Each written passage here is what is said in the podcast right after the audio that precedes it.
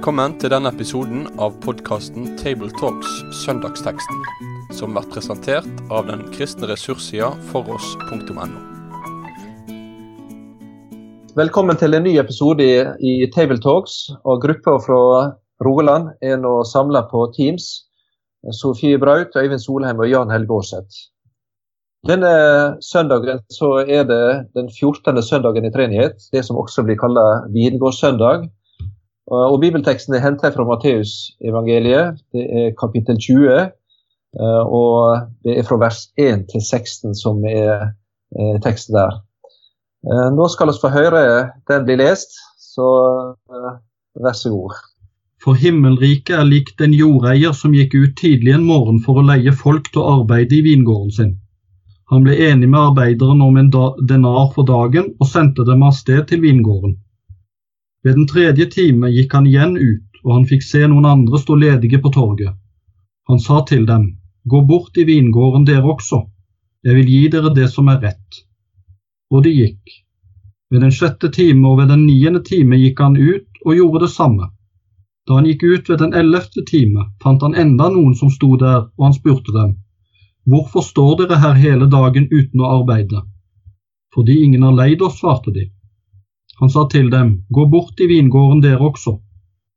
Da kvelden kom, sa eieren av vingården til forvalteren, rop inn arbeiderne og la dem få lønnen sin. Begynn med de siste og gå videre til de første.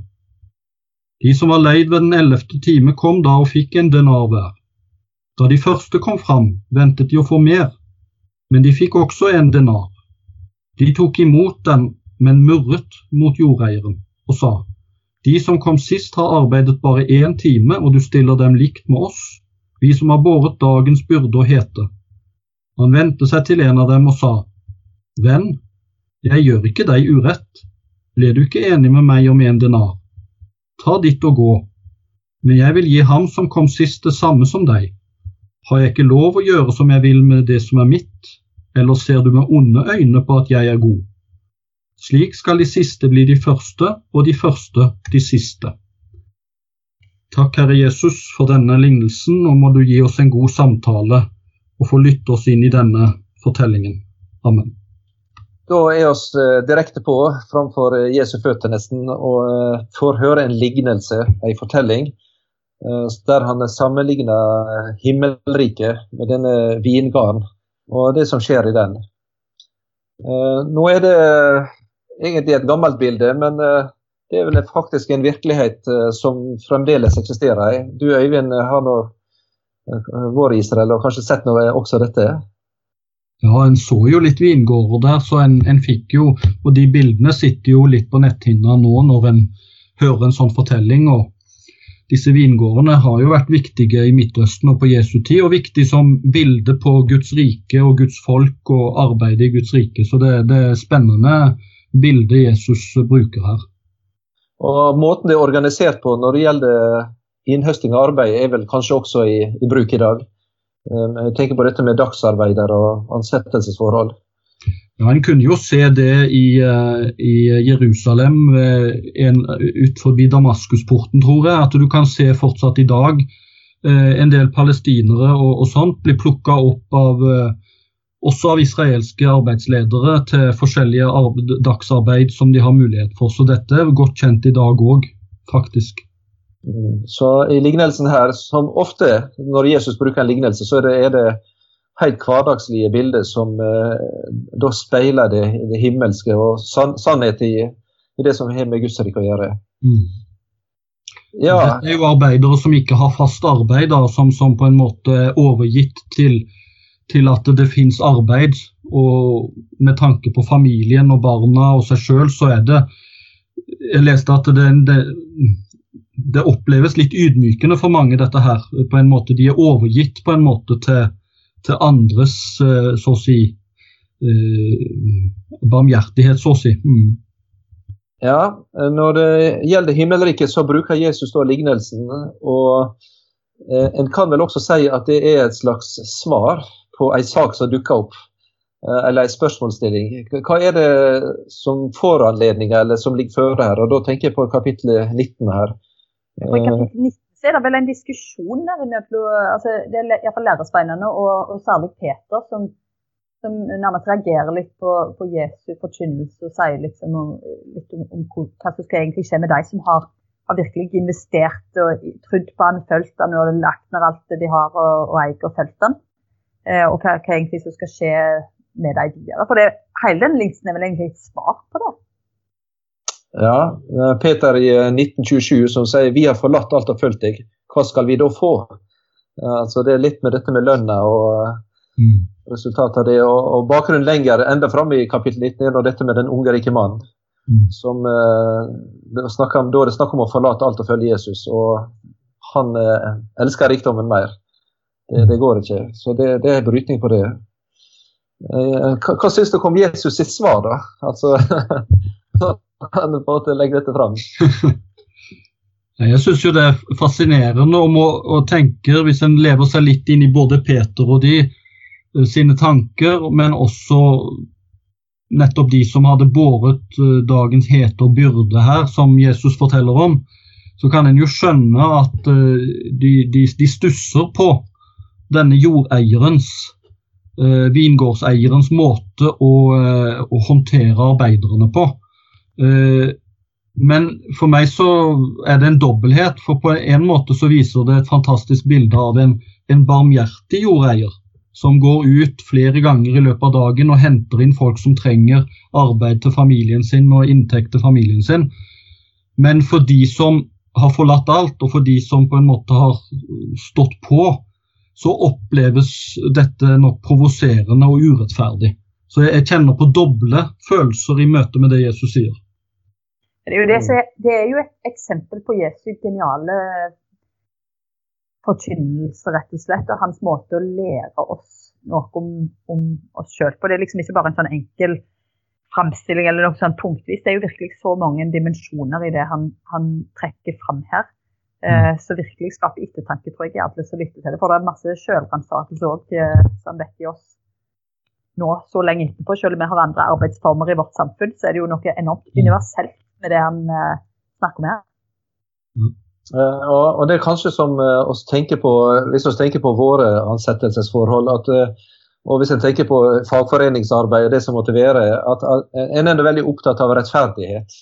Mm. Eh, at eh, altså, lønn skal stå etter innsats og, for, og fortjeneste. på en måte. Det skal, skal ikke være skjevt, eh, mm. slik at du arbeider hardt og får null og niks igjen.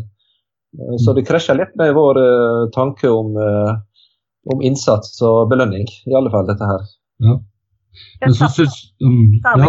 som det, det, spiller ut, ikke sant? For det som jeg har, har, lest om når det gjelder avlønning i denne tida som Jesus snakker inn i her, så så er jo en DNA for en dags arbeid er mm. en god, helt alminnelig lønn.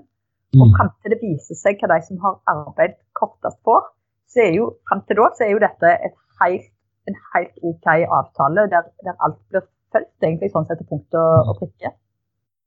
Ja, så, det, så, det, er jo på en måte den overraskende sjenerøsiteten og barmhjertigheten som på en måte er Jesu poeng her.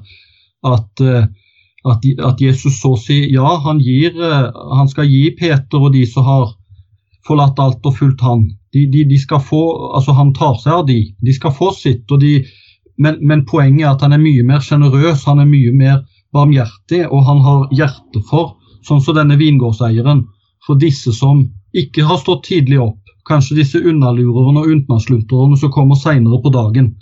De som også har en familie, de som også han har tanke og hjerte, og derfor så For meg denne gangen når jeg leste denne teksten, så ble det en vektforskyvning i forhold til vingårdssøndagens fokus på tjeneste i Guds rike, til at Jesu lignelse handler mest om hvordan Gud er, hvordan han er.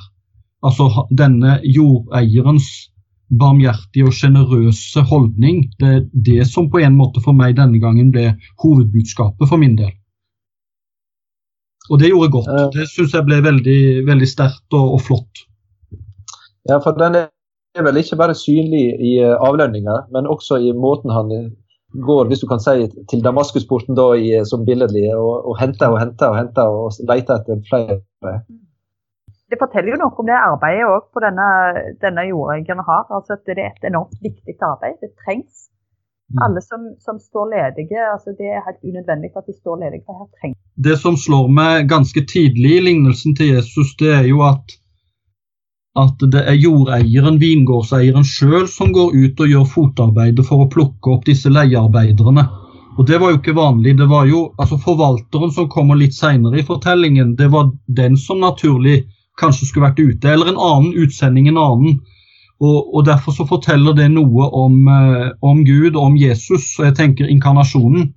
Det at Jesus er kommet og, og ned til oss, blitt menneske, møter oss i øyenhøyde og, og eh, altså nær sagt gjør fotarbeidet. Går under, han går ut fem ganger, også uh, under den heteste tiden på dagen.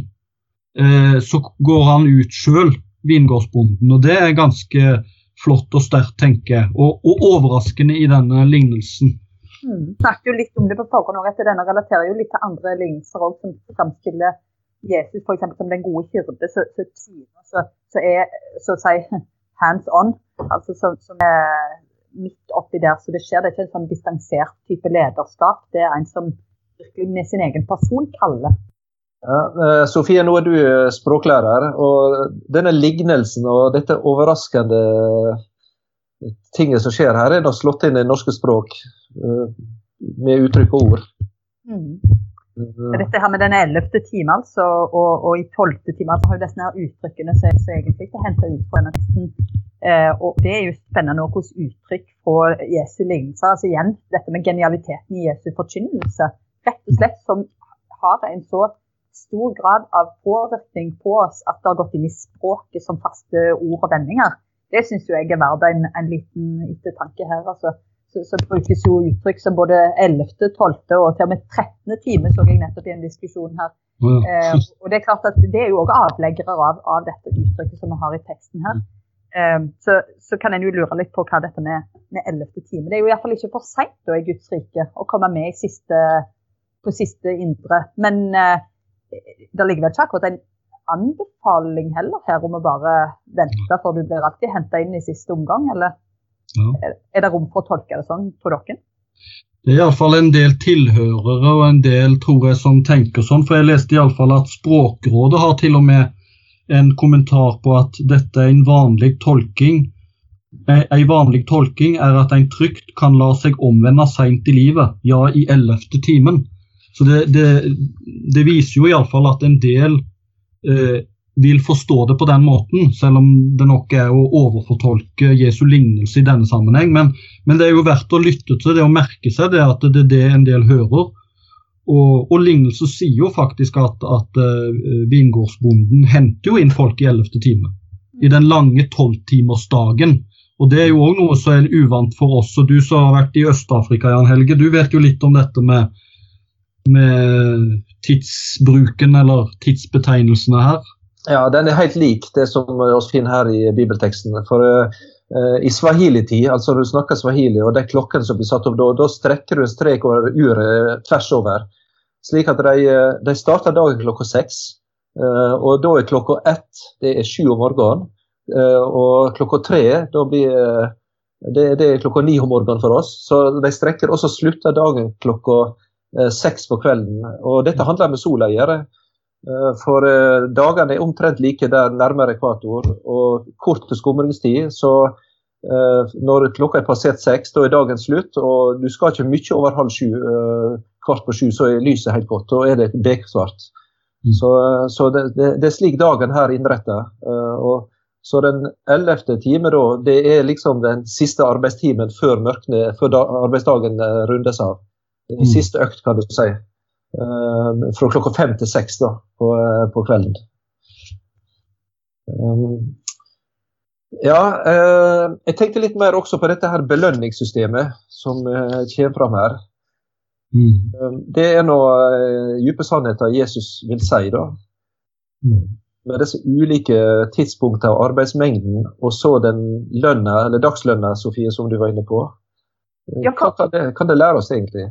Nei, jeg tenker litt at, at det, er klart det er noe med oppbygningen her òg. At, at en fram til et visst punkt i denne lignelsen her, så er jo alt helt eh, på en måte OK og helt ute fra avtalen. Men det er jo et enormt sånn overraskende si, twist helt til slutten med, med, med denne avlønninga. Og jeg, jeg, tenker jo litt sånn at Jesus, altså, bildet kunne jo vært helt sånn ukomplisert òg, hvis bare de som ble trukket inn i arbeidet først, fikk lønnen sin først. Mm. Eh, da, hadde jo de gått glad fornøyd. De hadde fått det de hadde blitt avtalt og forespeilt, og alt var greit.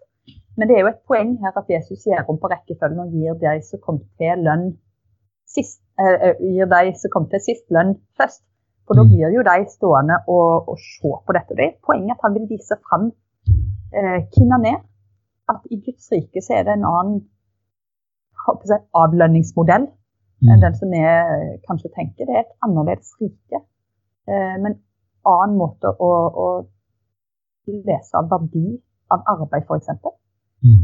Det er jo veldig spennende at Jesus gjør det på denne måten. Og det skaper jo en, virkelig en respons hos de som uh, føler seg litt Så hadde jeg kanskje forventa noe annet. Det står at de murrer. En mm. interessant reaksjon da, som jeg syns er litt ubehagelig, men jeg òg murrer jo av og til sjøl.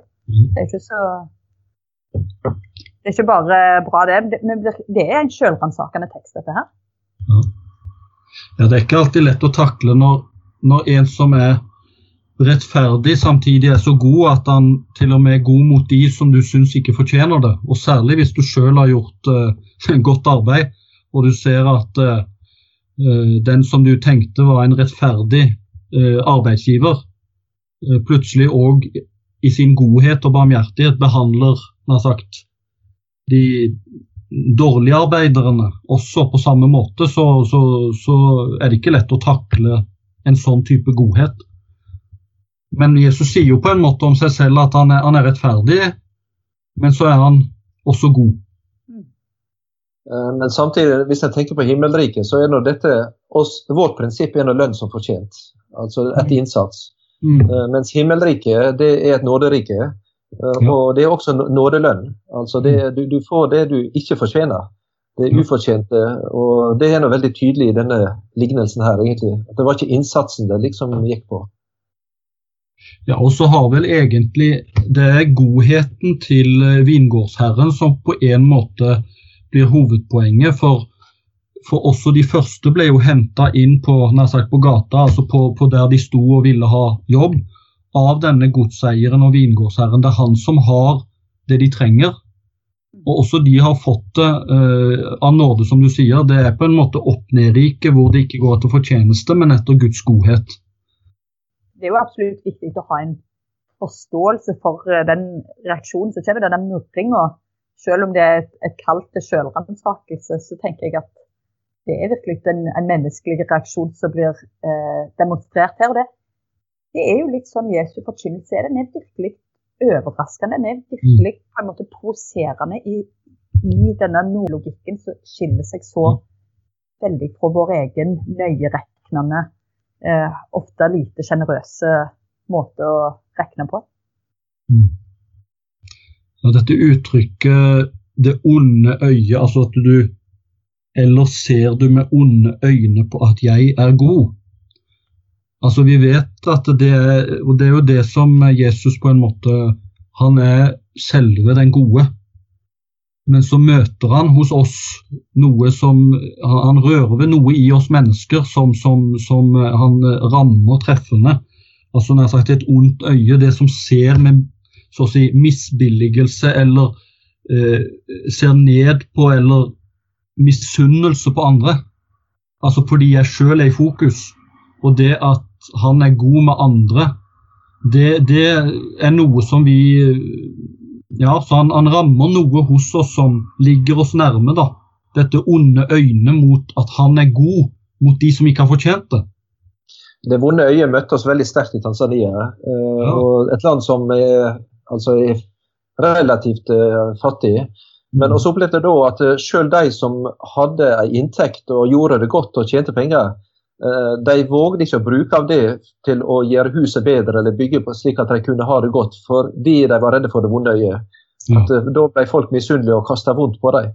Mm. Så heller gikk, altså, aksepterte de å bo i enkelhet og i fattigdom, selv om de da kunne ha både på fiskeri og jordbruk en god inntekt.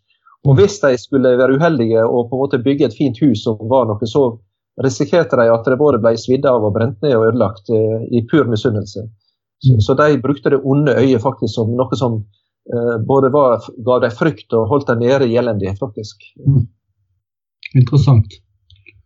Ellers så ligner det jo reaksjonen på disse som hadde hatt dagens hete og byrde, reaksjonen deres minner jo om den hjemmeværende sønns reaksjon på den bortkomne sønnen som ble funnet, og som det ble gjort fest og stas på.